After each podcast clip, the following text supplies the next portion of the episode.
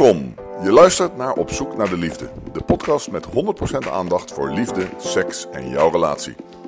De host is relatietherapeute, liefdesexpert en stiefcoach Annette Burgers. Vandaag aflevering 4 van Geen Seks Wat Nu. Waarin Jeannette Geus, psychologe, podcastmaakster, schrijver en onderzoeker vertelt over haar polyamoreuze relatie. Hoe werkt dat? Eén man in relatie met twee vrouwen? Wat als je dan zin in seks hebt en je man is bij de andere vrouw? Dan is dat geen seks, wat nu? Veel luisterplezier.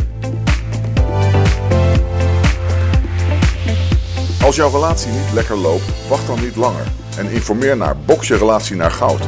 Met daarin twee sessies boksen met een professionele boksleraar en 10 sessies emotionele verbinding met Annette Burgers. Box je relatie naar goud kun je vinden op www.youtubecoaching.nl. Wil jij jouw partner verrassen met een leuk, intiem, spannend spel? Schrijf dan naar info.youtubecoaching.nl en maak kans op het spel Ultiem Verlangen van Tease and Please. Vergeet niet te vermelden waarom jij jouw partner wilt verrassen.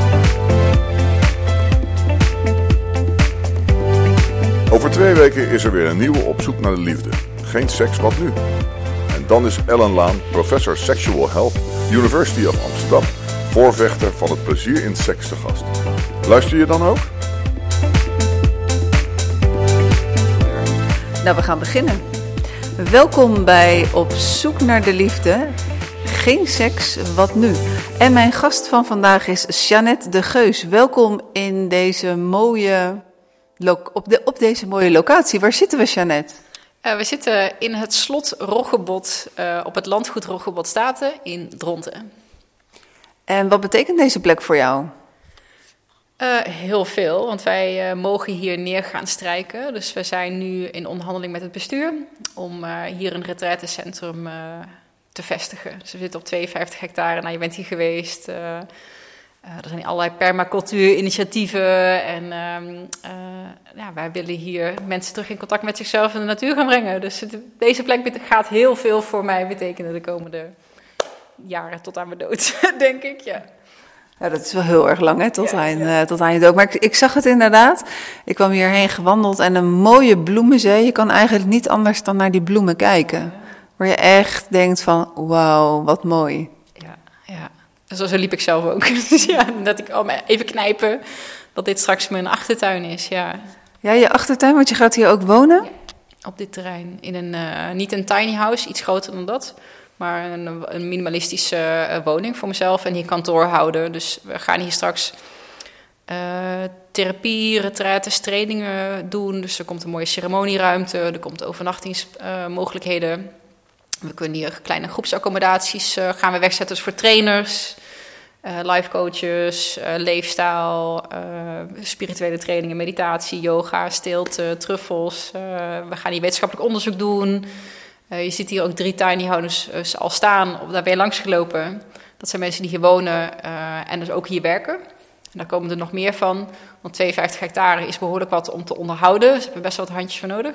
Ja, je zei hoeveel, hoeveel eh, voetbalvelden, wat een mooie vergelijking. Ja, 108 voetbalvelden. Uh, en we zijn geflankeerd door uh, het water, dat zag je. Maar ook 800 hectare bos aan de andere kant. Dus het hele forest bathing, bosbaden, mindful in het bos zijn... wil ik um, zelf gaan gebruiken om ook mijn PhD-onderzoek af te ronden. Dus het feit dat dat dan je buurman hier is, dat is echt, uh, ja, ik kan het niet helemaal bevatten, zoals je hoort. Nee, snap ik. En zo groot en zoveel moeite had ik om het te, vinden. om het te vinden. Maar dat, dat zegt meer over mij dan... Uh, Jeannette, jij bent een life crafter, psychologe, een podcast host. En je zet altijd in op spiritualiteit, persoonlijke groei, life crafting en mindgame. En je hebt de 12 Waves Academie.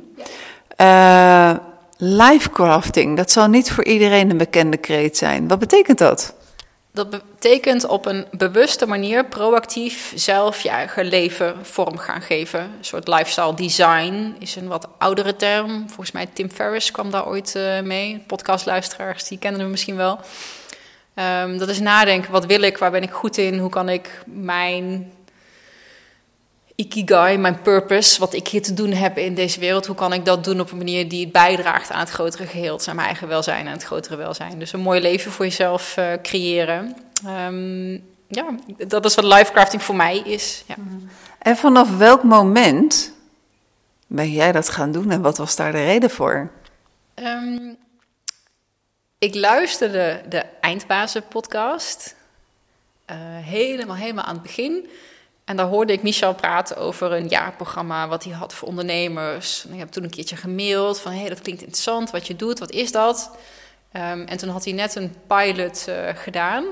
En daar had hij ook een online training bij gemaakt. En een van mijn vrienden, businesspartners, um, was een van de eerste die dat ook kocht.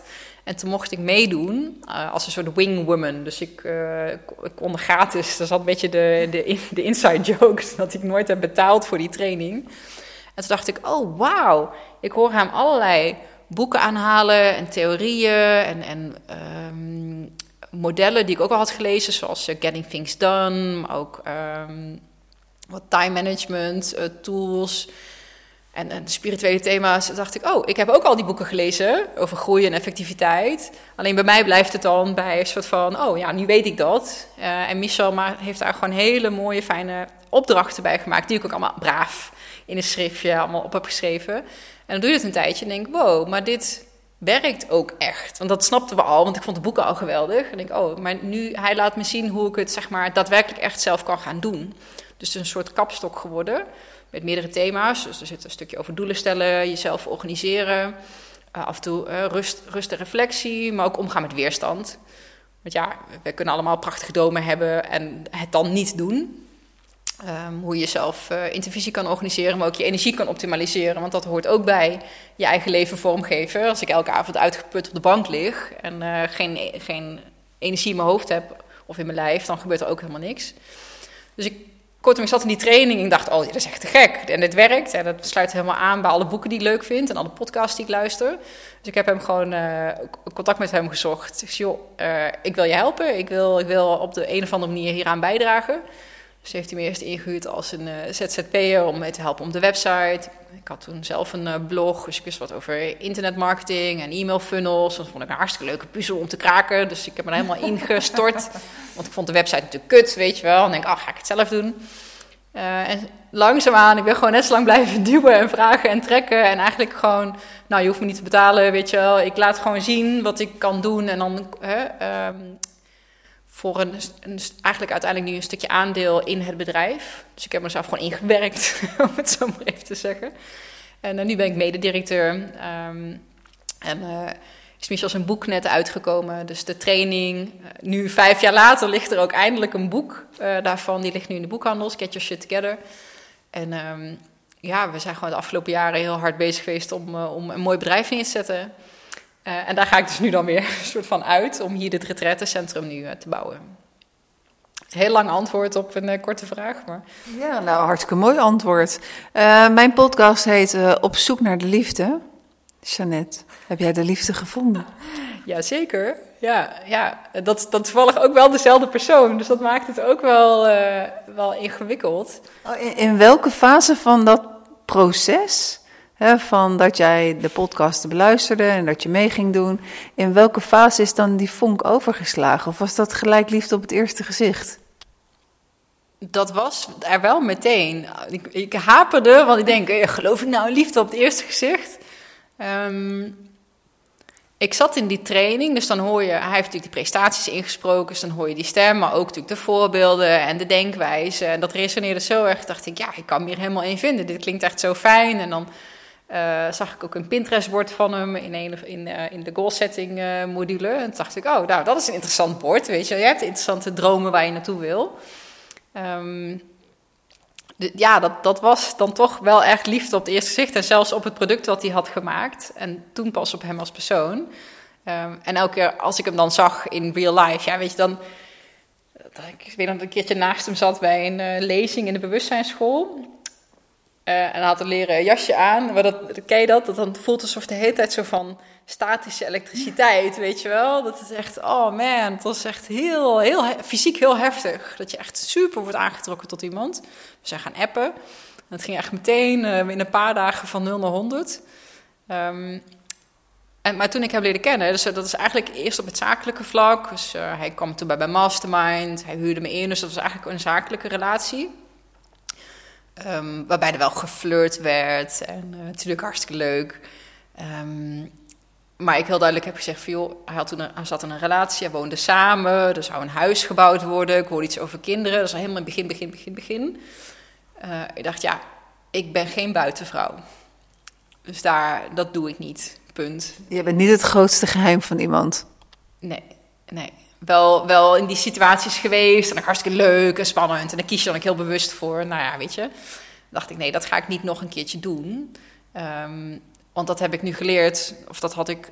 Ik ben dat een keer geweest. Die had al tien jaar relatie. Ontmoette mij. Is vreemd gegaan met mij. Zo van nou uh, ik ga nooit bij haar weg, maar ze is twee weken op vakantie, dus we kunnen elkaar wel twee weken zien. Ja, echt mega fout natuurlijk.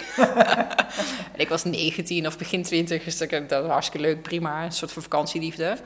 Nou, schaam je niet hoor, dit heb ik ook nog wel eens een keertje ouder gedaan dan dat.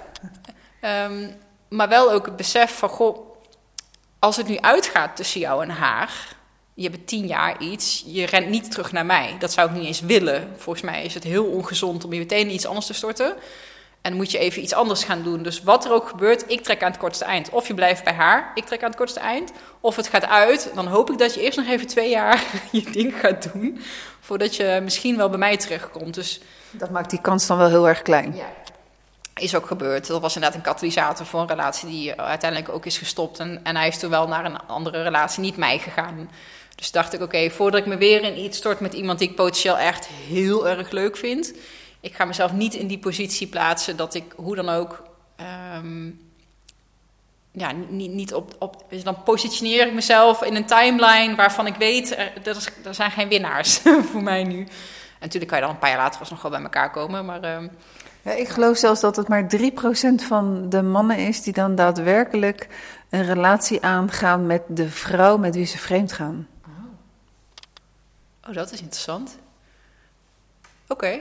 Ja, heb ik ooit gelezen. Ik heb het onthouden op die manier dat ik toen ook in een relatie zat met vreemdgaan. Dat ik dacht van nou, tel uit je winst. Ja, ja dat, was, dat, dat, hè, dat het balletje bij mij terechtkomt. Ja.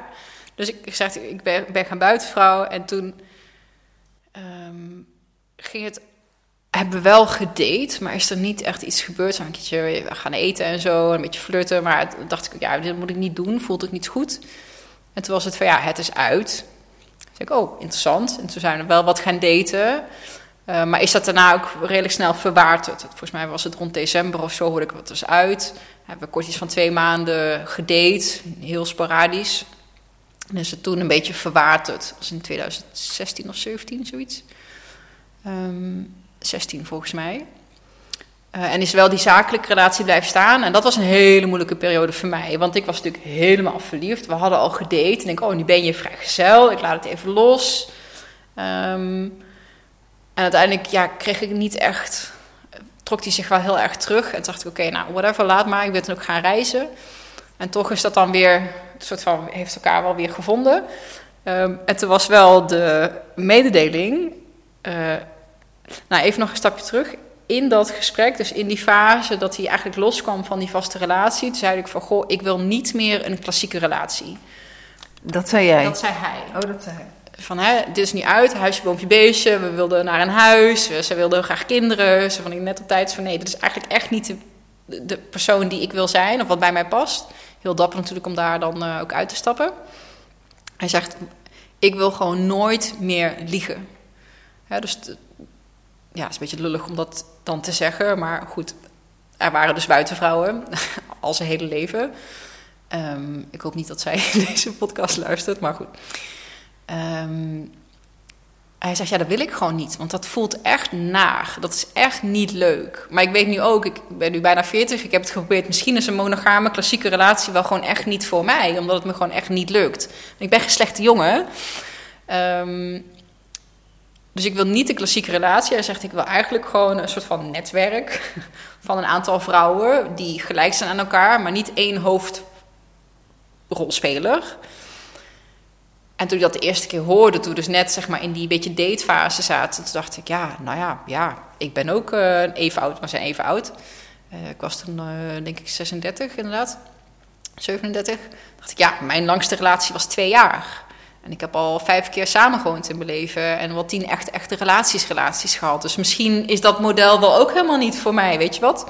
Let's give it a go. het is gewoon een experiment. En zolang als ik het leuk vind, vind ik het leuk. En als niet, dan niet. We zien het wel. Maar ook wel dat ego-stemmetje van ja, ja, nee, maar misschien wil ik wel de belangrijkste vrouw zijn. Dus dat vond ik al wel heel spannend. Nou, toen uiteindelijk is dat dus helemaal verwaard. Toen was het ook niet meer aan de orde. Was het puur een soort van zakelijke interacties nog. Totdat hij weer op de radar kwam uh, na de zomer. Van ja, ja, ja ik uh, moet je dan wel wat vertellen. Ik heb, ik heb een vriendin.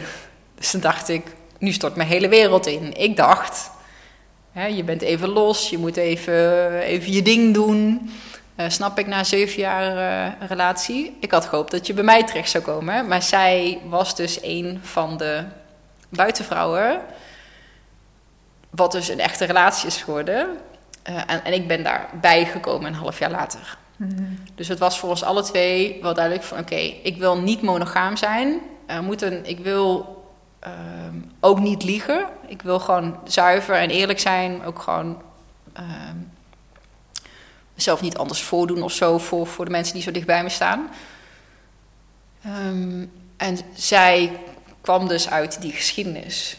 Nou, mijn wereld stortte toen natuurlijk in. Dus van, nou, oké, okay, super kut. Ik wilde, was, was toen vlak voor ik naar Peru zou gaan voor, uh, voor een maand. Ook om een uh, ayahuasca-retreat te doen. Um, dus dat deed echt giga pijn. Want je denkt, oké, het is voorbij, weet je wel. Ik, uh, nu ben ik alsnog een soort van buitenvrouw of, of sidekick. Daar heb ik helemaal geen zin in. Want woonde hij ook bij haar of woonde hij dan op zichzelf? Hij woonde op zichzelf. Um, ja, en ik, het, het bloedkruid waar niet gaan kan, denk ik. Ik kwam terug uit Peru. Um, en net daarvoor hebben we wel heel veel, heel veel gesproken over, nou ja, oké, is er ruimte voor mij? Weet je, zou je dat willen? Dus ik, dus ja, misschien is er wel ruimte voor mij. Ik weet het niet, hè. Want eerst schrik je van, oh shit, je kiest er dan er niet voor mij.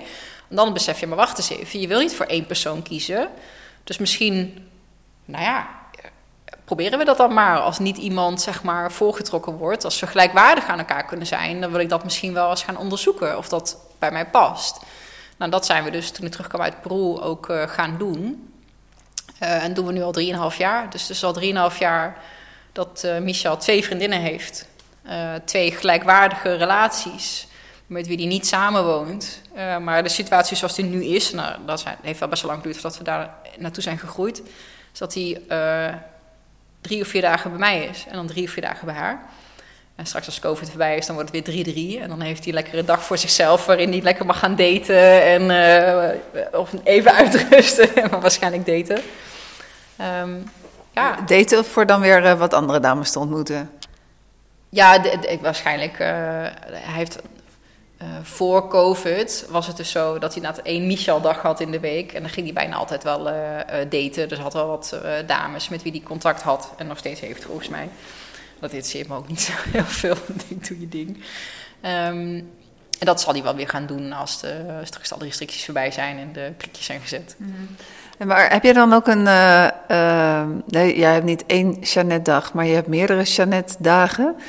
Uh, doe jij daar wat mee met betrekking tot, tot daten en, en, en anderen? nee, want dan heb ik het heel druk met mezelf en met mijn bedrijf en gewoon met tijd voor mezelf en uh, lekker in mijn eigen wereld onderdompelen. Zou ik wel willen, maar niet mega behoefte aan op dit moment. Maar de, de vrijheid is er. En je voelt in ieder geval die vrijheid.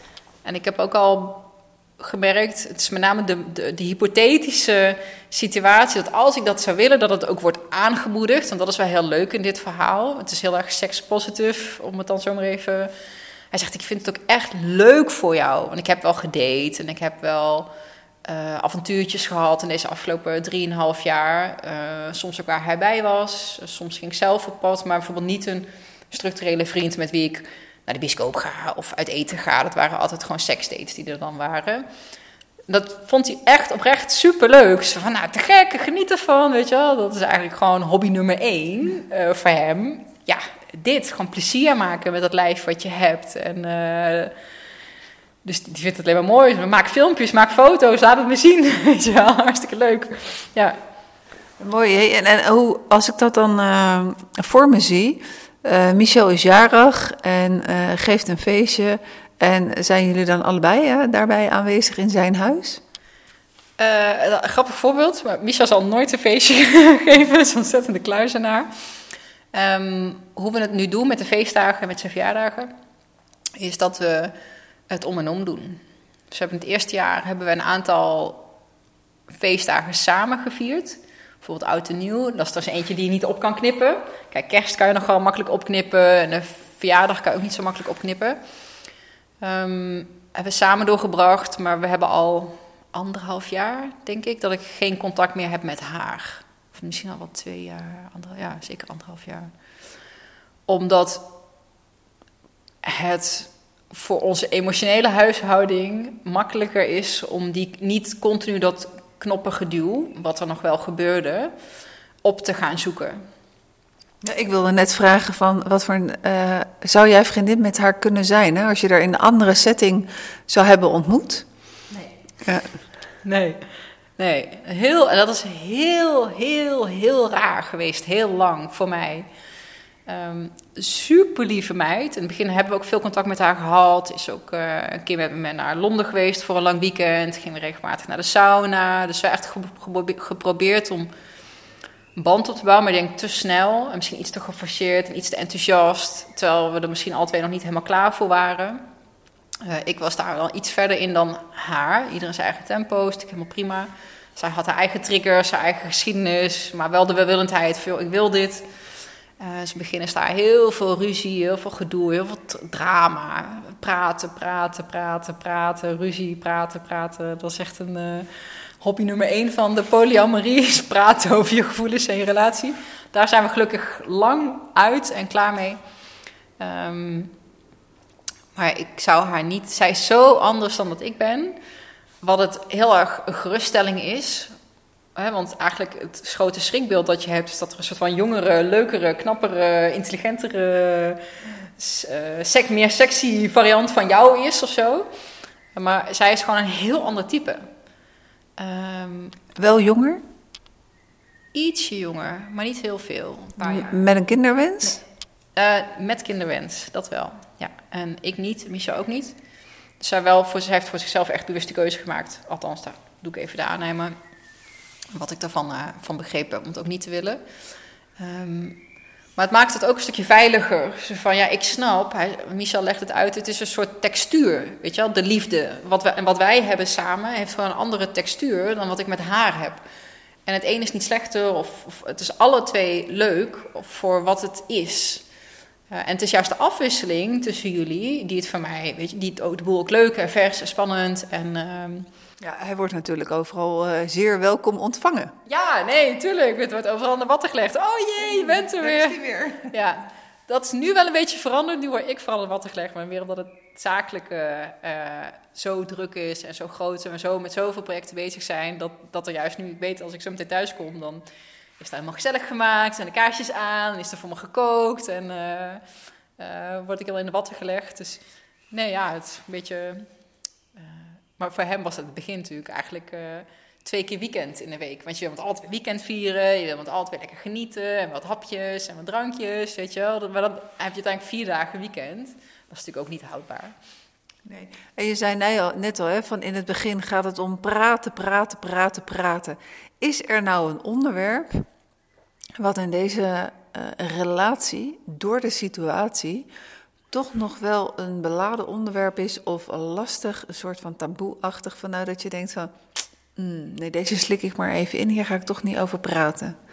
Of is echt, uh, moet alles besproken worden? Um, tweeledig. Ik heb gemerkt dat ik niet alles hoef te delen. Um, en dat vind ik ook heel erg fijn. Ik denk, ja, ik hoef niet elke gedachte die ik heb of uh, um, alles wat ik meemaak op een dag. Dat kan leuk zijn, maar het kan ook een soort van burden worden. Um, dus in die zin denk ik, ja, ik hoef niet dingen die hem aangaan, natuurlijk wel. Um, het enige wat ik kan bedenken, eigenlijk is er nergens een taboe op. Ehm, wat lastig was in het begin, ehm, dan was hij bijvoorbeeld bij mij en hij belt elke dag. Dus s ochtends, als hij bij mij is, belt hij s ochtends met haar. En s'avonds om 7 uur, zo'n vast belmoment. Om even bij elkaar in te checken. Ja, vrij normaal, logisch denk ik. Dus als hij bij haar is, belt hij mij s ochtends en om 7 uur. En als hij bij mij is, belt hij haar s ochtends en om 7 uur. Zo moet je dat zien. Dus om zes uur of uh, om zeven uur s ochtends kan je nooit seks hebben met elkaar, want het is een belmomentje. Of om, zo, om 7 uur s'avonds? Ja, klopt. Dat is zo. Of dan gaan we ook niet zitten eten, want dan, dat kan niet. Dus dan uh, is hij even een half uurtje uh, is die even weg. Gaat meestal even een rondje lopen buiten of boven zitten. Maar in het begin gebeurt het nog heel vaak dat er ruzie ontstond, gedoe ontstond in dat telefoongesprek, terwijl hij dus bij mij was. Um, nou, dat, dat was heftig, dat was drama, dat was emotie. En natuurlijk, we zijn hele moeilijke dingen bezig. Um, het is wel de hogere wiskunde van de relatie, ja, denk ik. Ja, je komt nogal wat uh, egootjes en schaduwkanten van jezelf en onzekerheden met name teken, tegen. Um, maar dan kom je eens beneden, ja, dat is niet uitgeschakeld weg, weet je wel. Dat, dat moet ook geprocessed worden en uiteindelijk, en dat duurde nooit heel lang... Maar dan was wel je avond kwijt. En dan uh, was het tot acht uur, half negen. Dan moest nog iets teruggebeld worden om het weer goed te maken. Dus weet je, dat, dat had een behoorlijke impact. En dat vond ik heel moeilijk om aan te kaarten. Uh, omdat je ook zoiets hebt van...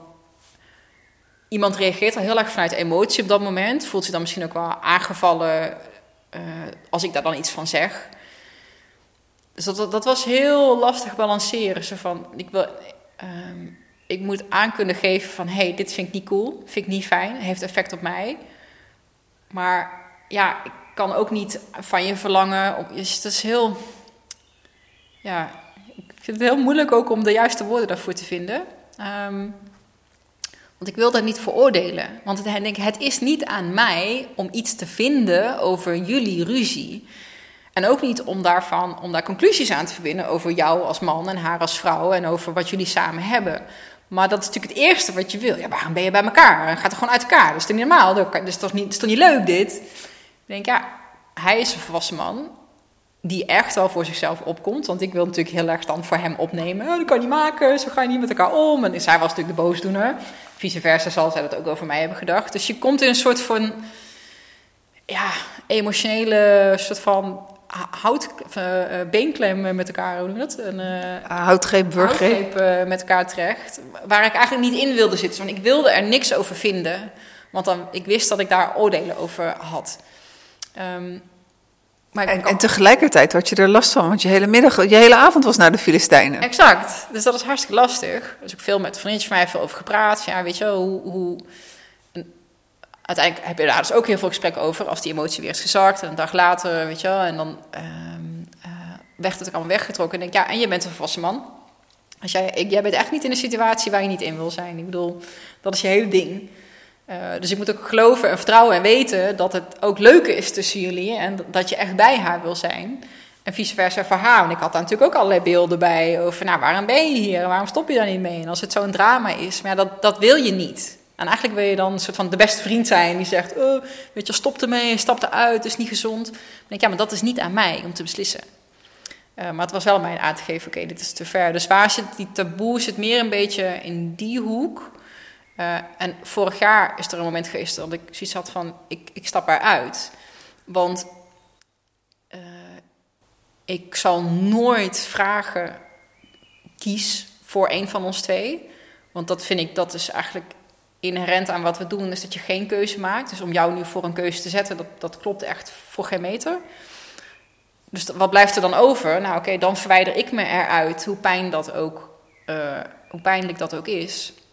En toen pas realiseerde hij zich, denk ik, hoe pijnlijk dat voor mij was om te zien dat er zoveel gedoe was en wat het effect daarvan was op mij. En toen is dat ook ja, opgelost of heeft, is hij dat op andere manieren gaan managen, dat weet ik niet. Uh, mij daar minder bij betrokken, dat wat meer uit elkaar gehouden, die werelden. Dus van, nee, ik moet er geen last van hebben. Uh, maar je wil elkaar wel helpen, want het is ook je beste vriend en je relatie. Dus je wil ook advies redden. en zo redden. Dus dat moet je dan helemaal loslaten. Um, en hoe fijn is dat uiteindelijk als je dat kan? Ja, nu vind ik het heerlijk. Echt, hou het bij me uit mijn buurt. zoek het uit. Ja, zoek het uit. Have fun of niet. Als je maar gewoon, als je bij mij bent, ben je bij mij. En dat is van, eigenlijk vanaf dag één hetgeen is wat ook zo heel erg leuk is aan dit verhaal. Je hoeft niet bij mij te zijn. Maar als je er wel bent, dan weet ik ook dat je er bent omdat je het echt wil. En niet omdat je het nu eenmaal zo is, dat je hier altijd bent. Of, uh, uh, er zijn meer dan genoeg andere opties. En uiteindelijk kies je er toch voor om je tijd met mij door te brengen. Dus dat voelt dan ook wel heel erg fijn.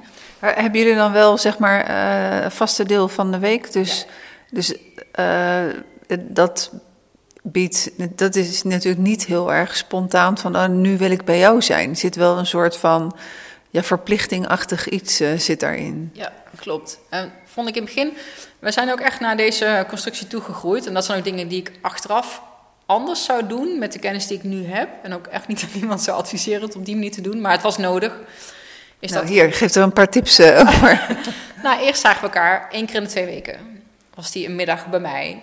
Uh, mochten we wel, dat bepaalde zij. Dus dat zou ik dus echt iedereen afraden. Maar ik snap dat zij rekening met elkaar moeten houden. Wat kan je aan en wat niet? En wat is te spannend en wat is paniek? En weet je, wat is de grenzen opzoeken en wat is gewoon te ver gaan? Dus in het begin zagen we elkaar één keer in twee weken.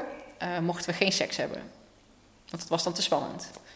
En toen kwam daar wel seks bij, maar met condoom.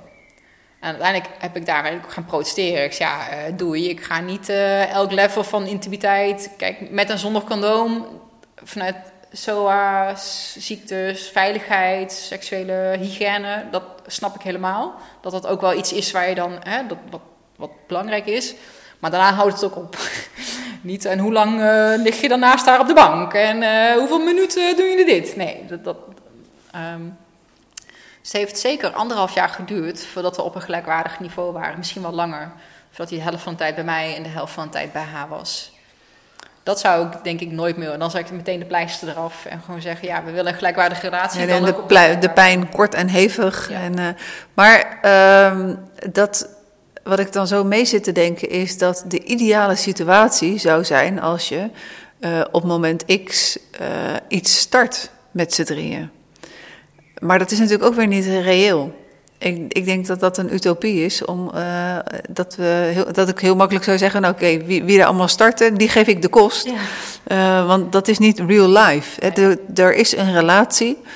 En een van, of dat nou de man is of de vrouw, en er ontstaat iets. Ja. En dat betekent hè, de langzaamste bepaalde tempo.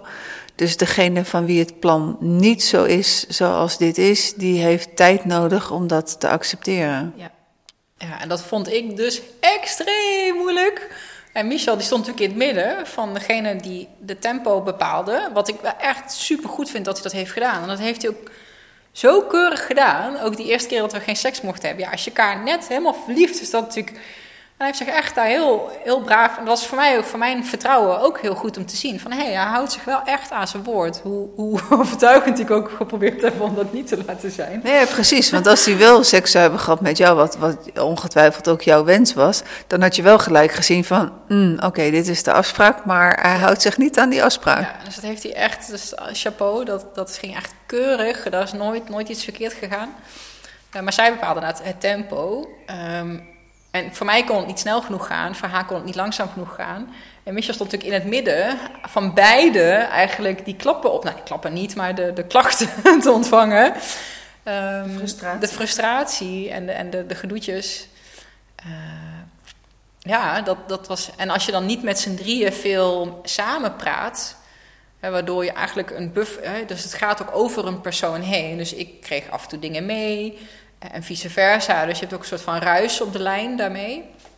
Het zou veel makkelijker zijn geweest als wij wel veel meer met z'n drieën, wat we in het begin wel deden, ook daar vaker over hadden gepraat. En, en ja, dat was gewoon echt emotioneel gewoon te gecompliceerd op dat moment. Dus dat, uh, ja. ja. En, en nu is het zo. Nu, nu is daar gewoon geen. Er aangewend. Uh, heb jij, leven je ouders nog? Ja. Ben je vroeger voorgelezen met sprookjes? Van er was eens en ze leefde nog lang en gelukkig? Uh, nee, ik las ze zelf. Ja, je, je las ze zelf, oké. Okay. Maar uh, de, de, de vraag die ik wil stellen is van... Uh, hoe was dit voor je ouders? Want die denken natuurlijk, hè, ik ben moeder, ik heb een dochter van, uh, van 29, ik heb een zoon van 32. Uh, mijn dochter gaat uh, over een maand trouwen en we hebben al een surprise party, uh, een surprise huwelijk voor haar georganiseerd. En dat heeft alles te maken met dat haar man uit Uruguay komt en heen en weer aan het reizen is in verband met de papieren. Mijn zoon die, die gaat een, een samenlevingscontract dan, nee niet samenlevingscontract, maar dat contract wat eigenlijk gelijkwaardig is als een, aan een huwelijk. Partnerschap, ja. Exact. Zelf ga ik uh, in, uh, in september trouwen. Uh, dan is dit trouwens al lang uitgezonden, dus dat, uh, dat hebben we dan al achter de rug. Ehm, en dat wil niet zeggen dat ik niet voor delen meega met mijn tijd. Maar ik kan me voorstellen dat als mijn dochter met zo'n verhaal thuis zou komen. Met alle ruimdenkendheid die ik heb en alle dingen die God verboden heeft, die ik ook gedaan heb in mijn leven, zou ik toch eventjes denken van, oh jee, wat, wat betekent dit voor het leven van mijn dochtertje? Hoe was dat voor jouw ouders? Um, kan ik heel kort over zijn? Dat was eigenlijk heel snel, oh ja, nou, ik denk wel dat het bij jou past. Um, die hebben mij natuurlijk ook al die relaties in hebben, nooit langer dan twee jaar. Dat, dat al die verschillende keren zien samenwonen. Dus ik denk dat die ook de conclusie hadden van ja, misschien is het dit. Ik heb niet een super goede band uh, met ze. Ik weet dat ze het heel vervelend vinden dat ik geen kinderen heb. Dat ze daar wel vrede mee hebben en dat ze het helemaal snappen. Maar dat dan zegt mijn vader een tijd terug nog van uh, ja echt, als ik dan bel van, oh, ik heb leuk nieuws. Nu met dat landgoed nu bijvoorbeeld, dan is wel het eerste, oh, je bent zwanger. en dan, oh ja, dat is wel de grootste teleurstelling in mijn leven, dat jij nooit zwanger bent geworden. Dus daar, en dan, dat is natuurlijk ook super pijnlijk voor mij. Dus vandaar dat misschien die band ook wat minder goed is, dat ze een andere visie bij mij hadden. En dan denk ik, ja, aan de andere kant, als ze zien wat ik dan wel weer aan het doen ben met mijn leven, vinden ze het wel weer heel prachtig. Dus ja, het is meer hun stereotype en hun projectie wat zij voor mij is erger. Maar ze kunnen wel zien dat wat ik aan het doen ben, dat, dat, ja, dat ik gelukkig ben. Um, mijn moeder is na 30 jaar huwelijk ook gescheiden en nieuwe, nieuwe relaties. Ik denk dat ze ook wel snapt van ja, op een gegeven moment moet je gewoon doen wat goed voelt bij jou. En ook al is dat ja, uit kader stappen van je dacht dat je erin moest blijven zitten of zo. En in die tijd leven we ook wel steeds meer. Als jij uh, achterom kijkt, Jeannette, en uh, je, je, kijkt inderdaad naar dat patroon wat je had van uh, nou niet langer dan twee jaar en elke keer weer uit elkaar.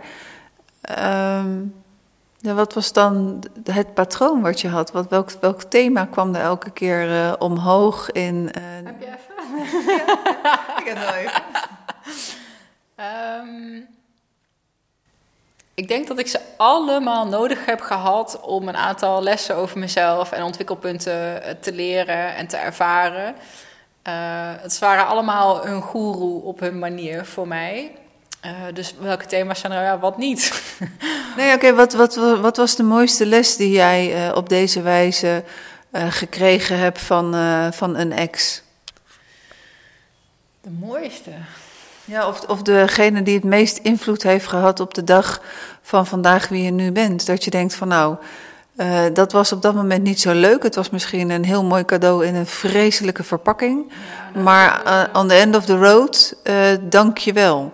Nou, jij denkt even na, ik praat even door. En om, het, om jou wat denktijd te geven. Zo hebben mijn, mijn vriend en ik, of mijn man dan straks en ik, hebben, we, hebben ook wel een groot dankjewel gezegd tegen al onze exen. Ja, nee want uh, in het verleden kon ik ook nog wel eens naar doen over een ex. Mijn mening hebben, een oordeel daarover hebben en me ongemakkelijk voelen. Uh, maar ook na mijn uh, podcast met Els van Stijn was me dat wel heel erg duidelijk. Van een groot dankjewel naar alle voorgangers. Ten eerste hebben alle voorgangers uh, mijn, uh, mijn, mijn vriend laten gaan. Hè, want anders had hij niet vrij rondgelopen in de bijenkorf en waren wij elkaar niet uh, tegengekomen op de brillenafdeling. Het is een groot dankjewel dat je uiteindelijk uh, dat, dat de relatie niet goed genoeg was, waardoor er iets gebeurde en uh, je elkaar los hebt gelaten. En ten tweede hebben alle, alle vrouwen op welke manier dan ook een stukje bijgedragen aan zijn ontwikkeling. En, uh, en, en omgekeerd is dat ook zo. Dus wij hebben heel bewust uh, met een uh, glaasje wijn geproost op, op iedereen die, die er geweest was. en zo zijn er bij mij ook wel mannen geweest die, die inderdaad op een bepaalde manier meer meegegeven hebben dan op een andere manier. Weet jij al wat, uh, nou ja. wat jouw uh, mooiste leerles was? Ik heb een, een ik heb een soort van uh, top 5 kakofonie aan rampzaligheden, denk ik. een soort van orkestbak achter me met allerlei vreemdes. Ik heb, als je me allemaal ex op een rijtje zou zetten, dan zit, dan zit een hele bonte verzameling is dat. Eén spande daarin wel de kroon. Dat was een man die was ook 14 jaar ouder dan dat ik was. Die ben ik in mijn studententijd, ja, rond mijn 19 of zo heb ik hem ontmoet. Daar was ik gigantisch verliefd op. Um, hij heeft heel veel thema's eigenlijk geïnitieerd. De eerste keer dat ik daarover shamanisme bijvoorbeeld iets wat las. En, dat was een ontzettend toxische relatie waarin verslaving speelde. Ik zat, was toen ja, begin adolescent, lekker uitgaan. Het was veel kook, eh, pillen, uh, wiet. Uh, er, was, er, was, gefeest. Um, uh, ik was daar heel verliefd op en hij niet op mij. Maar ik bleef wel altijd plakken. Dus ik heb me daar, en dat is een patroon, is dat ik mezelf zo van bijna cadeau gaf aan de eerste beste voorbijganger die voorbij kwam, die me wilde hebben. Um, uh, in plaats van dat ik zelf na ga denken van hè, wie wil ik, wat voor soort persoon zou ik eigenlijk naast me willen. Oh, jij, jij vindt mij leuk, dus dan uh, was dat eigenlijk wel genoeg. Maar ik was heel verliefd op hem, daar heel erg aan blijven plakken. Weet je, dan ging je op stap en dan werd er altijd nog gewoon wat gedronken na het stappen. En dan bleef ik gewoon net zo lang zitten tot ik de laatste was die over was, zodat ik daar kon blijven slapen. En mezelf eigenlijk, jezelf eigenlijk gewoon aanbieden. Uh, terwijl je weet, ja, dit, dit heeft geen kans van slagen. En als iemand anders op mee kan nemen, dan, uh, dan heb ik het nakijken. Maar dan toch blijven. Dus daar, dat is een heel toxisch geweest. En dat ik heel ver ben gegaan in dan toch maar hopen, blijven, blijven plakken, mezelf aan blijven bieden. Terwijl eigenlijk zou je moeten zeggen, ja, graag of niet, weet je wel. Uh, ik had een veel te weinig zelfrespect, een heel laag zelfwaarde. Um, maar uiteindelijk dat dus wel ja, gestopt. Uh, en daar ben ik ontzettend dankbaar. Want daar zijn wel. Ik ben wel gebleven. Seks was leuk en een aantal spannende dingen die ik ook wel wilde onderzoeken. En heel veel van de aspecten die toen een beetje schaduwig, troebel, niet zo oké waren. Um, ik had ook wel zo'n fantasie. Nou, hoe zou het dan zijn met meerdere mensen of zo? Of een keer een trio. Dat was een fantasie waar heel veel mensen hebben. Oeh, en hij had al wel een beetje ervaring. Dus dan ja, wat ouder, dus dan word je toch een beetje meegenomen. Um, en ook wel een paar, één stapje gezet, wat echt de finale flater uh, was, waarin ik, nou, verkracht is het niet, maar ik had daar nooit in mee moeten gaan. Ik had eigenlijk veel, maar dat is die hele relatie. Ik had veel in moeten zeggen van ja, maar dit is niet. Maar goed, um, maar daar heb ik dus wel heel veel geleerd in hoe ik niet wil. Um, maar wel zo van, oh, maar dit vind ik wel interessant. Dat is een reden waarom ik wel blijf. En wat ik nu bij Michel heb, is dat eigenlijk dat hele machtsmisbruik en dat mezelf te veel weggeven, dat dat eruit is. Zo van, hè, dus die, dat zelfwaarde en zelfrespect is groot genoeg dat ik daar nooit meer ga komen. Um, maar daar heb ik wel gezien, oh, er zijn misschien wel wat soort van kinky-achtige dingetjes die me toch wel kietelen. Uh, en die nu hier wel gewoon op een hele veilige, fijne manier wel uh, ja, die, ik vond het hartstikke spannend dat hij ook met iemand anders ging daten. En we hebben ook wel wat avontuurtjes gedaan. En ja, dat is hartstikke leuk. Uh, maar nu kwam het op een hele liefdevolle, fijne manier. Die nog wel heel ingewikkeld was, omdat er hè, twee liefdesrelaties naast elkaar. Dus dat moet je ook allemaal nog gaan ontdekken. Dus in die zin is, ja, uh, Bart heet die, uh, een ex die ontzettend toxisch is geweest. Maar waar ik nu nog steeds langs ga en denk, wanneer kom je nou eindelijk een keertje koffie drinken? Dus daar zeg ik misschien ook wat over nou, voor mij of over wat we toen hadden. Um, maar ik denk dat ze alle, ik denk als ik ze allemaal terug ga kijken, dat ze allemaal iets hadden waarin ik mezelf niet goed had weggezet. Of, of mm, ja, een beetje jong en onbezonnen. En uh, dat jij, als ik denk, als mijn moeder had meegekeken, dan had ze waarschijnlijk al een paar keer gedacht: Oh, wat ben je aan het doen? Ja. Wat moet er worden van dit meisje? Ja, ja, ja. Um, ja, maar inderdaad, het is dus precies wat je zegt. Hoe mooi is dat? Want ik ben er zo ontzettend blij mee. Toen ik Michel leerde kennen en ook in de gaten kreeg van hoe ingewikkeld het is wat aan het doen zijn. Je hebt en een zaak samen en een polyamoreuze relatie. En je bent twee hele sterke persoonlijkheden uh, ook. Met een, eigen visie en een wil en een drive om dingen te gaan realiseren in de wereld. Dus dat al die relaties daarvoor zijn een soort van voorbereiding geweest. Zo zie ik het echt. Om dit nu echt te kunnen doen. En ook om te weten, maar dit is ook hoe ik het wil doen. Eh, dus ik ben ze inderdaad allemaal echt mega, mega, mega dankbaar. Uh, ja. En uh, nou, deze serie heet Geen Seks, wat nu? op de helft van de week is het voor jou in ieder geval niet mogelijk om seks te hebben met Michel. Ja. Hoe is dat? Ja, wat je net zei, dat, stukje spontaniteit, dat vond ik in het begin heel lastig. Ik zei van, hè, we hebben heel erg toegewerkt naar elkaar vaker kunnen zien. En toen dacht en in het begin ben je helemaal verliefd. Denk, ja, maar ik wil je gewoon kunnen bellen en in de auto kunnen stappen en gewoon naar je toe kunnen komen. Dat kan dan allemaal niet. Um, en dat is oké, want we hebben die vrijheid op een ander, op een ander vlak. En ik denk, ja, dat is ook oké om even te wachten tot je dit ziet. Dat maakt het op een, andere, op een andere manier ook wel weer heel erg spannend en leuk. Dus die uh, spontaniteit is er niet. Um, en nu ben ik je vraag kwijt. Hoe doe ik Nou, dat als jij, uh, ik, ik noem maar wat, hè, als die bij jou is van zondag tot en met woensdag en je hebt vrijdagavond gigantisch veel zin in seks met Michel en dan? Dan niks. Dan spaar ik dat op tot de volgende dag dat we elkaar zien. Ja, dat gebeurt en dat is dan soms heel frustrerend. Uh, ook soms voel je gewoon heel down of onzeker. Vooral in die beginfase, als het nog heel erg lastig en moeilijk is. Dan wil je eigenlijk gewoon even knuffel of elkaar even zien. Of even die bevestiging krijgen of even inchecken met elkaar. Of, uh, en dat kan dan niet altijd. Nee, dat is heel vervelend en dat is heel lastig. Um, ja, en ook dat is een soort van ja, moet, moet hij on demand klaarstaan voor mij of niet? Ja, voor mij hoeft dat nu niet. Ik vind ook een soort van, ja, waarom zou dat eigenlijk wel moeten? En kijk, als er iemand echt stress, paniek, drama, of er gaat iemand dood, of er, is iets, er gebeurt iets heftigs, intens, tuurlijk. Weet je, dan, waar hij dan ook zit, dan is hij er voor degene die dat op dat moment echt nodig heeft. Um, maar soms heb je gewoon even een knuffel nodig, of heb je zin in seks. Ja, dat is dan niet een reden voor hem om van huis te switchen ja, dus dat is dan wat het is. Dat is daar accepteren dat dat is waar we voor gekozen hebben. En dat voelt nu niet als een opgave. Nee, dat is wel een stukje voorspelbaarheid, wat dan ook wel weer ergens wel weer prettig is. Ja. En als, uh, als hij dan een paar dagen weg is geweest en, uh, en jij hebt je zin opgespaard, dan bespring je hem. Maar heeft hij dan altijd zin? Want ik kan me dan voorstellen dat dat, dat voor hem dan ook niet zoals het eigenlijk normaal is. Weet je, een van de twee kan heel veel zin hebben en de ander niet. Maar als de ander wel een paar dagen gewacht heeft, hè, zolang jij geen andere uh, in die dagen hebt zitten. Dus dan komt hij binnen en dan wordt hij besprongen. En dan? En snap je nu waarom dit voor hem zo leuk is? ja, want als je dat aan twee kanten hebt, van twee meiden die heel erg van seks houden, ja, tel uit je winst. Dat je nog meer als man. Punt. Ja, precies. nee, dat, dat, uh, dat, snap ik heel goed. Wat is jouw definitie van liefde? Een veilige basis. Een, uh, ja, dat, een veilige basis. Uh, een verbinding met elkaar. Ja.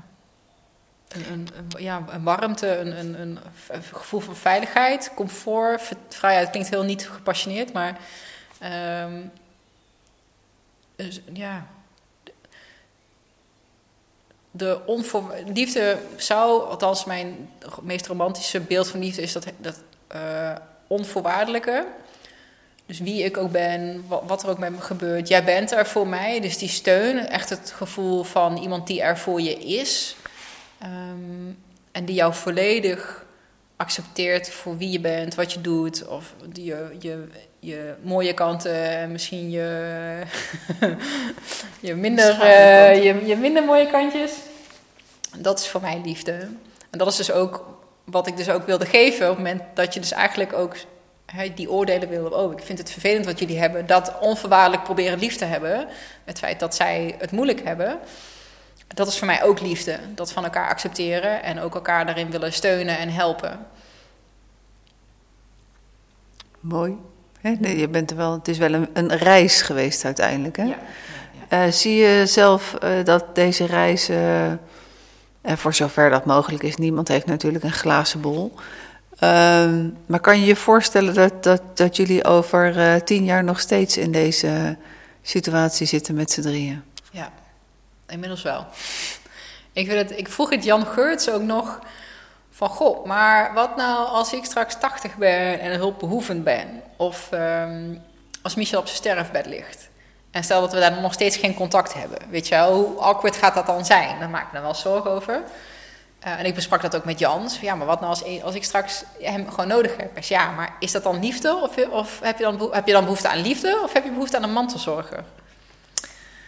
Ja, daar heb je wel gelijk in. Um, en dat, die twee zijn niet hetzelfde. En ik vind het ook al mooi dat dat losgetrokken wordt van elkaar. Dat merk ik nu ook. De liefde op zichzelf wordt zuiverder, omdat ik niet van hem afhankelijk ben, financieel of in het huishouden. Weet je wel, ik ben autonoom. Ik doe mijn eigen ding. Ik vind het ook heerlijk als die weer weggaat. Waarom vind je dat heerlijk? Eh, eh, fijn, dan heb ik mijn space weer terug. Want je, je smelt samen, dus je bent heel erg... Maar goed, je bent twee best wel uh, extraverte persoon. Ja, eigenlijk zijn we helemaal niet extravert, maar twee sterke persoonlijkheden die samensmelten. En, uh, en dat is heel fijn, dat is heerlijk om daarin onder te dompelen. Maar het is ook heerlijk om gewoon heel, helemaal je eigen, je eigen zelf te zijn. En het is toch, als er iemand bij je is, dan ben je toch onbewust bezig met, met de ander en met jullie samen. En als ik alleen ben, ben ik helemaal uh, kan ik helemaal mijn eigen ei kwijt in, in waar ik dan op dat moment bezig wil. Dus ik vind het lekker en dan gaan de deuren open, dan ga ik de wasjes doen en dan wordt er gepoetst en dan, dan de gelucht. dat klinkt heel stom, maar ja, dat is super fijn. Hmm. Wat je net zei hè, van, uh, van Jan Geurts, van uh, die mantelzorger. Het doet trouwens wel iets met, met de liefde als je mantelzorger bent voor elkaar. Je wordt er niet aantrekkelijker op. Uh, jij zei toen straks in het begin van, uh, uh, nee, je, was, als, het, als ik het in mijn woorden zeg, zakelijk al geraakt door Michel in het begin. en zijn stem. Dat, dat, um, zijn dat de dingen die jij het meest aantrekkelijk vindt aan hem? Wat, wat vind je allemaal aantrekkelijk aan hem? Um, ja, dat, zijn hoofd. Er is zelfs een woord voor en ik vergeet het elke keer. Um, maar ja, zijn intelligentie, zijn charme, zijn, zijn, zijn, zijn geest. Uh, en hij is twee meter, dat vind ik ook heel fijn. Dus oh, dat delen we, die van mij is ook twee meter. Ja, ja twee meter, 100 kilo is gewoon aan de haak. En uh, dat voelt gewoon heel, heel ja. beschermend ja. en uh, geborgen. Ja, en hij is voor iemand die twee meter is en stoer en kaal en vechtsport en hoogste woord is die thuis echt het totaal tegenovergestelde. Dus heel knuffelig en heel zoet. En uh, als je ons hoort bellen of onze appgeschiedenis ziet, dat zijn alleen maar hartjes en gifjes en kusjes en knuffeltjes. Dat is één grote zoete, zoete bende. Dat is heerlijk. Dus dat, uh, ja, dat, dat is leuk. Dat je die, van die intimiteit, meer nog dan hè, de seks of de porno, dat, weet je, dat is natuurlijk ook allemaal prachtig. toen we het gesprek begonnen, vroeg je ook van nou, uh, geen seks, wat nu? En denk nou, moet je aan mij vragen. Want ik heb ook een beetje last van dat ingezakte libido. Dus ik weet een thema waar ik nu mee in de bak mag. Ik denk, oh ja, oké, is, dat dan, is dat wat er gebeurt na twee jaar? Weet je, ben ik daarom ooit afgehaakt? Of, uh, um... Is er ooit een periode geweest in je leven waarin je om welke reden dan ook wat langer geen seks had met een partner? Ja, ik denk in alle relaties uh, op het eind wel. Dat daar soms wel echt langere tijden. Ik denk niet langer dan een paar weken, maar uh, dat is niet. Kijk, nu hebben we al drieënhalf jaar. Er is geen enkele week, nou, in het begin van COVID, toen hij, toen hij heel erg in de put zat. Maar ja, dat weet je dan, als, als iedereen gewoon gezond en uh, mentaal wel is, dan is er eigenlijk, gaat er nooit een week voorbij waarin dat niet is. En het was in het begin zelfs echt het, het highlight van, van ons samen zijn, weet je. En wat ik heel aantrekkelijk vond aan hem en heel bevrijdend, is de mate van plezier en overgave en echt ongegeneerd genieten. En dat moet ook, hè, als je gewoon openlijk zegt, ja, ik heb twee vriendinnen en daarnaast uh, date ik ook. Ja, dat, en daar gewoon echt ja, dat, was heel erg taboeloos. Uh, kwam dat op mij over. En toen dacht ik, oh wauw, weet je wel. Waar het eerst een beetje in de, in de toxische sfeer zat, als in een relatie die niet zo goed voelde, zo'n beetje van die excessen. dacht ik, oh, je, je vindt dit ook allemaal spannend. Maar op een hele relaxte, fijne, open, bespreekbare, lieve manier. Heel erg kunnen genieten van, van uh, je lijf en elkaar vooral dat was echt een eye-opener. Um, en ook op deze manier een relatie hebben, zo open en liefdevol. En ik wens ze ook echt het allerbeste. Um, uh, dus dat heb ik heel erg dat vind ik heel aantrekkelijk. Ja, en ja, het, de, de, de gesprekken die ik met elkaar kan voeren. En, maar ook het zakelijke deel is samen ook heel aantrekkelijk. Het is ontzettend leuk om samen plannen te maken. En dat het dan ook lukt. En, uh... maar mogen, hebben jullie nu, zie je elkaar dan op de dagen dat hij niet bij jou is? En zakelijk gezien zie je elkaar dan wel op, op die, in die andere dagen elkaar wel zakelijk? In het begin soms, want dan was er bijvoorbeeld een training die hij gaf. En dan was er dan vaak bij. Um, Waar ik hem dus alleen maar op de. Stel dat hij hier zou komen voor een training. Op de dagen dat wij niet bij elkaar samen zijn. Ja, dan komt hij hier aan. Dan is het even een kusje en een knuffel. En dan zie je elkaar de training. En dan gaat hij weer weg. Gaat hij naar haar. Um, nou, sinds COVID, anderhalf jaar, geven we geen training meer. Dus dan zien we elkaar inderdaad echt alleen maar op de dagen dat hij bij mij is. En als hij niet bij mij is, dan, uh, dan bellen we alleen. En in het begin was daar soms wel overlap en was dat zakelijk, wat voor haar natuurlijk ook wel weer lastig was. Ja, dat zou ik ook denken, hey, ho, ho, ho, ho, mijn tijd. Ja, ja en, daar, en dat zijn van die discussies die je eigenlijk bijna niet met elkaar wil voeren. Want dan ga je minuten tellen, weet je wel. En dan gaan we... Um, ja, dan gaat de teller aan. Ja, ja. En die, is, die loopt wel, want het is niet dat hij met mij een kwartier belt en met haar drie uur. Hè, dus om die, om, uh, of vice versa. En dat doet natuurlijk heel bewust. Dus we proberen dat heel bewust gelijk te houden. Ook niet om een soort van onbewuste vergelijkingsdrang uit te lokken of zo. Uh, ik realiseer me ook dat ik één gedachtspoor niet had afgemaakt. Je vroeg over feestdagen en verjaardagen. Maar nu uh, doen we het om en om. Dus oud en nieuw uh, en verjaardagen. Het ene jaar zij, andere jaar ik. Ja, want je zei, er, er was één keer een moment vanaf van oud en nieuw dat jullie samen hadden. En dan kan ik me echt voor zitten, voorstellen, oké, dan zit je allebei op de bank. En wie gaat die nou het eerste het kusje geven? Volgens mij waren we toen in een situatie dat het, dat het, meer, ja, dat het echt samen was. Ja. ja. Hey, um, nog wat. Uh, we, we, leven natuurlijk in een tijd die uh, misschien wel aan het veranderen is. Terwijl we, naar mijn mening, nog steeds het beeld hebben van de sprookjes. van, uh, we, lezen nog steeds de sprookjes voor en, uh, en ze leefden nog lang en gelukkig. En dat zijn ook nog wel de verwachtingen, terwijl de realiteit er toch wel iets anders uitziet. Uh, dit is dan polyamoreuze relatie. We hebben uh, swingers, we hebben open relaties. er komt van alles voorbij, maar we blijven de kinderen voorlezen uit die sprookjes. En tegelijkertijd, hè, dus um, ik heb twee coachpraktijken, YouTube-coaching en stiefgoed. En bij stiefgoed uh, is, er wordt me elke keer ook geconfronteerd met het stukje dat kinderen, de kinderen van vandaag, uh, die worden geboren in een kerngezin. Kerngezin gaat uit elkaar uiteindelijk, gelukkig nog niet voor iedereen, maar wel heel veel. Uh, dan komt er een, een, stiefmoeder of een stiefvader. Uh, dan gaan drie op de vijf gezinnen dan toch wel weer binnen vijf jaar uit elkaar. Uh, dus die krijgen veel meer te maken met, uh, met allerlei wisselende contacten van hun ouders. Dat gaat wel doen op een gegeven moment met, met, met als zij in die relatie staan. Ehm, wat kom jij tegen? Hoe kijk jij daarnaar? Um, ik kom dat eigenlijk heel weinig tegen. En misschien ook wel omdat ik geen kinderen heb en geen kinderwens heb. Dus dat is een thema of een dilemma die niet echt bij mij op de radar uh, is. Ook niet bij cliënten? Nee, nee ik, ik coach ook niet. Mm. Nee. nee. Dat doe je helemaal niet meer? Nee. Nee, oh, oké. Okay. Alleen in het begin uh, gedaan, maar nu is het ja, voor uh, Jugend Forest, het retreatcentrum, en voor 12 Eves. Um, probeer een boek te schrijven en uh, te podcasten. Waar gaat je boek over?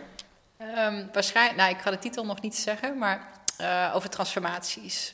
Um, het beschrijft uh, drie fasen in een, in een proces van zelfactualisatie. Het is een, een, psychologisch boek over groei. Mm, mooi.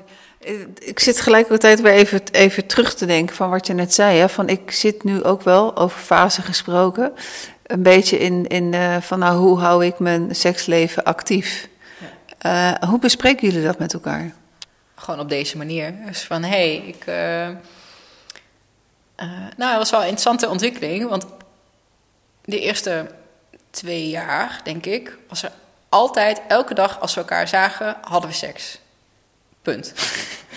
en dat vonden we ook helemaal te gek leuk. Hoogtepunt van de avond. Uh, maakte er een feestje van. Het was niet in de slaapkamer, gewoon lekker in de woonkamer. Uh, weet je wel, gewoon uh, leuk. Maar dan wordt dat, dat is een soort van highlight, wat voor sommige mensen misschien één keer in hun leven of in het jaar, weet je wel. En dat hadden wij dan een paar keer per week, waardoor het ook een beetje afwatert. Hè? Een soort van inflatie die dan ontstaat. Dat we onszelf ook echt gewoon gingen verexcuseren en ons heel erg rot voelden als ik even geen zin had. Ehm, maar dat wel gewoon besproken. Dus ja, uh, luister, seks is zo leuk en belangrijk. Ik zou het niet eens willen als je geen zin hebt. Want dat haalt de hele lol eruit. Dus in het begin was, was het, kwamen we ons eigen ego en onze eigen onzekerheden tegen. Als je dan zei van ja, ik heb misschien hè, geen zin. Ehm, of dat hij zich heel erg ging verontschuldigen. Het gevoel dat hij, dat hij faalde in zijn taken als, uh, als uh, man. Um, en nu is dat veel relaxter. Dus van, goh, weet je wel...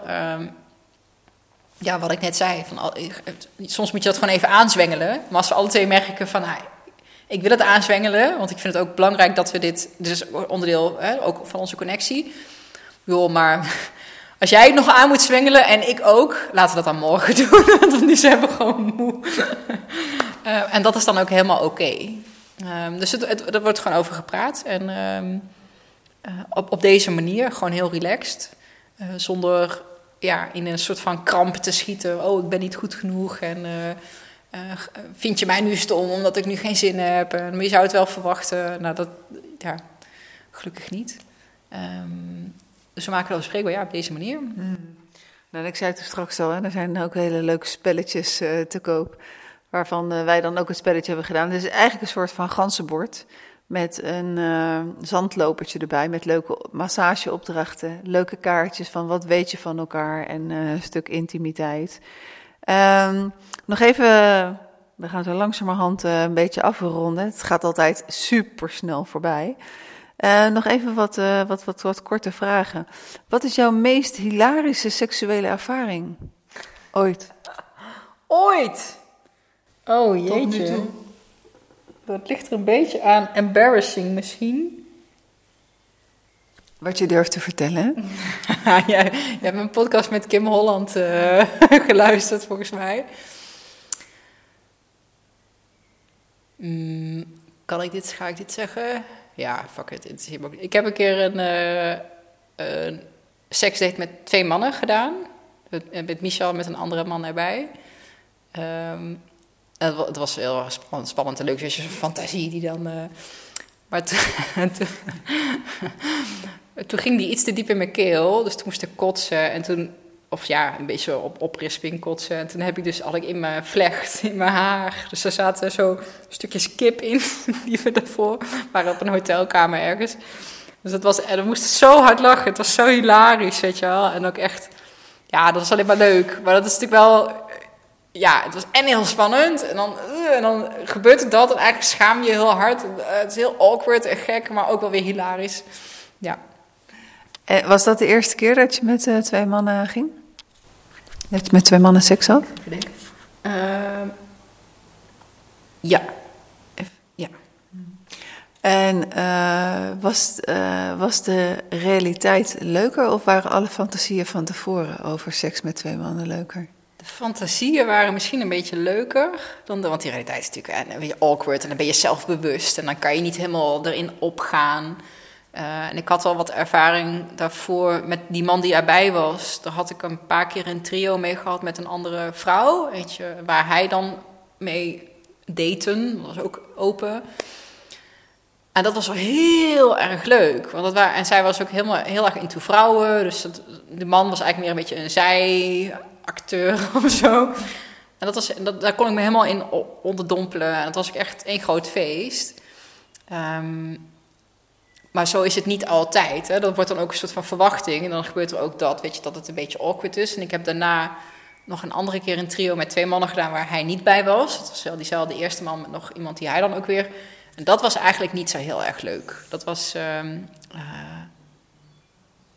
Oh, dat is mijn telefoon die gaat, sorry. um, daarvan was de, de fantasie leuker dan, dan, dan het echt. Zo van, nou, met twee andere mannen dan jij, weet je wel. Um, maar dat was ook wel weer leuk om mee te maken. Ja, ja nou, ik herken het wel dat de fantasie wel... Uh, uh, soms wel wat leuker kan zijn dan de realiteit. Heb je wel eens gefaked dat je klaar kwam en waarom? Nee, nooit gefaked. Nee, Nee? nee, Helemaal nooit in je leven? nee. Misschien wel dat je soms iets te veel aanmoedigt of zo, zeg maar. Eh, maar echt een orgasme faken? Nee, nee. Was het niet, no niet nodig, laat ik het zo zeggen. Nee, precies. En, en wat, wij zijn vrouwen. Wat denk jij, hoe is het voor mannen om, om seks te hebben met een vrouw? Vraag je je dat wel eens af? Heb jij wel eens zelf ook seks gehad met een vrouw? Nee. Ah, ja, ik dus wel. ook een keer met twee vrouwen. Eh, dat is wat meest exotische, by the way. Dus ik kan me er wel een voorstelling, eh, voorstelling bij maken. Dat is veel zachter qua, qua structuren alleen al. Het hele lijf, het voelt anders. En dat was wel een soort van tegenvaller. Want ik had dus één keer seks met twee vrouwen. Ook het een soort van bucketlist-achtige ding. Nou ja, met één vrouw, weet je wel, één trio met een man en twee vrouwen. Dat vond ik echt superleuk. Ik zeg, nou, misschien vind ik het dan ook wel net zo leuk met, drie, met twee vrouwen. Maar dan miste ik heel erg de iemand die dan de leiding nam. Dus dat bleef een beetje in zoetsappigheden hangen. Dat, was, dat mis je dan toch een beetje de mannelijke energie. En we gaan nu, weet je wel, eh, dat daadkrachtige. Ehm, dus ja, vrouwen zijn veel... De, de vrouwen die ik mee heb gemaakt. Want ik wil absoluut geen eh, generalisaties doen. Maar ja, wat zachter, wat, wat, wat, wat meegaander of zo. Ja. Ja, ik heb wel altijd dat ik denk van, goh, hoe zou dat zijn voor een man? Dat ik denk, het lijkt me zo raar om zo'n piemel te hebben de hele dag. Ga je daar dan de hele dag mee spelen of zo? Of heb je echt die behoefte? Wat, wat wij wel zeggen van, oh ja, die man die wil overal zijn eh, pik inhangen. Is dat ook echt zo? Ik heb echt geen idee. Dan denk je van, het omdraait, zit ik de hele dag aan, aan, aan, mijn, aan mijn borsten te friemelen. Nee, ook niet. Dus zo werkt het niet. Maar dat beeld heb ik dan wel van mannen. Maar ik weet niet, misschien kom ik in een ander leven nog wel eens terug, eh, terug als man. Maar eh, geen idee. Ehm, welke vraag heb ik je niet gesteld, Jeannette, over, eh, over de relatie, de polyamoreuze relatie zoals je hem hebt, met het stukje seks die jij, als jij op mijn stoel zat, zou zitten als podcast-host, die je zou stellen. Heb je, het, je hebt je volgens mij wel heel makkelijk over kunnen geven aan, aan die stoel, hè? Ja, ja, ja. Nou, ik zit even te denken. Ik weet nog dat de eerste keer dat ik er openlijk iets over deelde, was de eerste vraag, dat was zo'n Instagram vraagsticker. De eerste vraag die ik wel, jullie ook met z'n drieën seks? En dat was toen, ja. Dat hebben we in het begin, dat is ook de manier geweest waarop we deze relatie zijn gestart, bijna. Eh, eh, zij hadden ervaringen in de swingerswereld. Dus voor haar voelde het veiliger als een eerste kennismaking met mij dat zij erbij was bij een eerste keer seks. Dus mijn eerste keer seks met Michel was waar zij bij was. Dus dat was ook meteen niet echt een trio. Het was meer dat ze er, het was een beetje, nou ja. eh, Het was aandacht voor jou, aandacht voor eh, ja, het was een soort driehoeks dingetje. Dus dat was toen, hè, oh, heb je ook met z'n drieën seks? Dat was toen ook echt wel. Maar dat, dat was inderdaad, weet je, net wat je zegt, wie ga je dan als eerste een knuffel geven of een kusje geven? En als je dan nog in zo'n hele onzekere fase bent, eh, waarin er emotioneel nog heel veel gebeurt, was te gecompliceerd. Eh, wel echt de, de avonden die dat zijn geweest, en ook die ene uit nieuw, was wel echt, echt een feest. Dat was ontzettend fijn. Dus als je wel met z'n drieën echt in de juiste state of mind bent en elkaar het helemaal gunt en je daaraan overgeeft en alle taboe en de oordelen loslaat, is het prachtig. Is het één groot liefdesfeest, zeg maar. Maar je noemt inderdaad nogal als, als, als, als, als. Ja, ja, maar dat is wel zo. We zijn toen ook een keer, eh, volgens mij was dat op 1 januari toen, zijn we naar een sauna gegaan. Met z'n drieën. En ik weet dat er iemand naar ons eh, toe kwam en die zei... Ja, mag ik wat vragen? Zijn jullie met z'n drieën? Hij zei, ja. Oh, ik vind het er zo liefdevol uitzien. Nou, dat is ook zo. Je had daar zo'n... eh, Zo'n zoutbad, of nee, zo'n eh, zo'n magnesiumbad waar je in kan drijven. Ik, weet- de grotto is dat, ik weet even niet welke, zo'n hele grote... Nee, maar die zijn sauna overal. Ja. Elysium, eh, Ja. bij mij in de buurt is het ook Ja. zo. En dan weet ik dat we omste beurt, zo de ene bij het hoofd en de ander bij de voeten, elkaar ze laten drijven, weet je. Je bent heel lief en heel zacht, je bent helemaal in een soort van meditatieve, fijne staat met elkaar. Dat viel mensen ook echt op, zo, oh, dat ziet er zo lief uit, en jullie geven en gunnen elkaar zoveel. Dus het kan heel fijn zijn en heel liefdevol. Ehm, maar ja, eh, dat. Eh, ja. Volgens mij was dat niet je vraag, maar... Nou, maakt helemaal niet uit. Uh, we, we, gaan eventjes uh, langzamerhand naar, uh, naar het laatste stukje. om even terug te komen, jouw antwoord is dus geen seks, wat nu met elkaar praten. Ja. ja. Um, en het is oké als dat zo is. en ik merk ook, ja, weet je, dan ga het niet forceren. Als het niet is, dan is het niet. En als ik iets fout heb gedaan of wat ik heb moeten mogen leren, is het juist wel heel erg duidelijk aangeven wat voor jou wel en niet werkt. En waar ik in die toxische relatie dus echt meegesleurd werd naar een trio, of een kwartet eigenlijk, een swingers, swingersavond, waar ik helemaal niet, waar het alles zei nee, nee, nee, huilen, schreeuwen, maar dan toch heel gewillig, weet je wel, meegaan om Um, dat is het andere uiterste. Dus, uh, dus geef vooral aan als dat voor jou zo is. En voel je er ook niet rot over. Uh, en dan is het maar even een dag of een week of een maand, weet je wel. En, want ik denk als je het wegstopt en als je te lang tegen je zin in... Ik denk dat heel veel vrouwen dat we hebben... Ja, je kan gewoon beginnen. En als halverwege slaat de vlam wel een keer in de pan. Maar als dat dan een paar keer niet gebeurt... Um, weet je, dan kom je denk ik in een soort van tricky veld, waardoor ook de zin heel erg weggaat. Want dan voelt het altijd als iets waar je geen zin in hebt. Dus uh, gewoon heel dicht bij jezelf blijven. Van, hey, wil ik dit? Jezelf wel de kans geven om... Ik weet van mezelf, ja, als ik eenmaal begin, weet je wel, dan... Die ruimte wil ik mezelf ook geven. Maar als ik dan merk, ja, het is toch niet... dan ook gewoon lekker niet. Nog eventjes hier een verdiepingsvraag op. Hoe doe je dat? Sommige uh, vrouwen, maar ook mannen, die vinden het toch echt wel moeilijk om bij zichzelf in hun eigen kracht te blijven. Voelt dit goed? Ja. En, maar laat zich toch ook nog wel verleiden om de dingen te doen die niet helemaal goed voelen. Hoe krijg je dat voor elkaar om zo diep bij jezelf te blijven?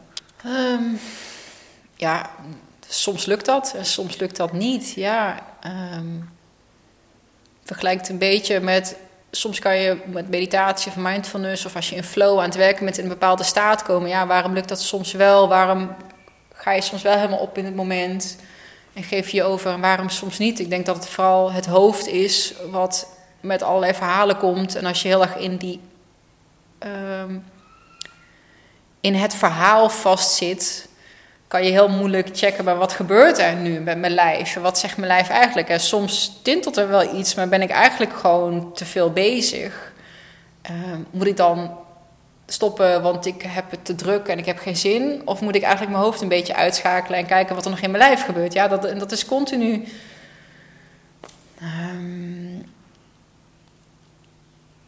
ja, experimenteel proberen ondervinden wat dat voor jou is. Maar ik denk vooral niet meegaan in het verhaal in je hoofd. En vooral in je lijf blijven. Ja. Over jouw lijf gesproken. Je hebt twee waanzinnige tatoeages. Wat betekent het? Uh, nou, mijn linkerarm is, uh, over de toxische relatie gesproken. Mijn linkerarm is een um, um, Maori geïnspireerde tatoeage. Die ik cadeau zou krijgen van die toxische ex waarvan ik heel blij heb gezegd: nee, zelfstandige vrouw, ik hou mijn eigen broek op, ik doe het zelf wel. Dus dit staat ook echt voor mij symbool van onafhankelijkheid.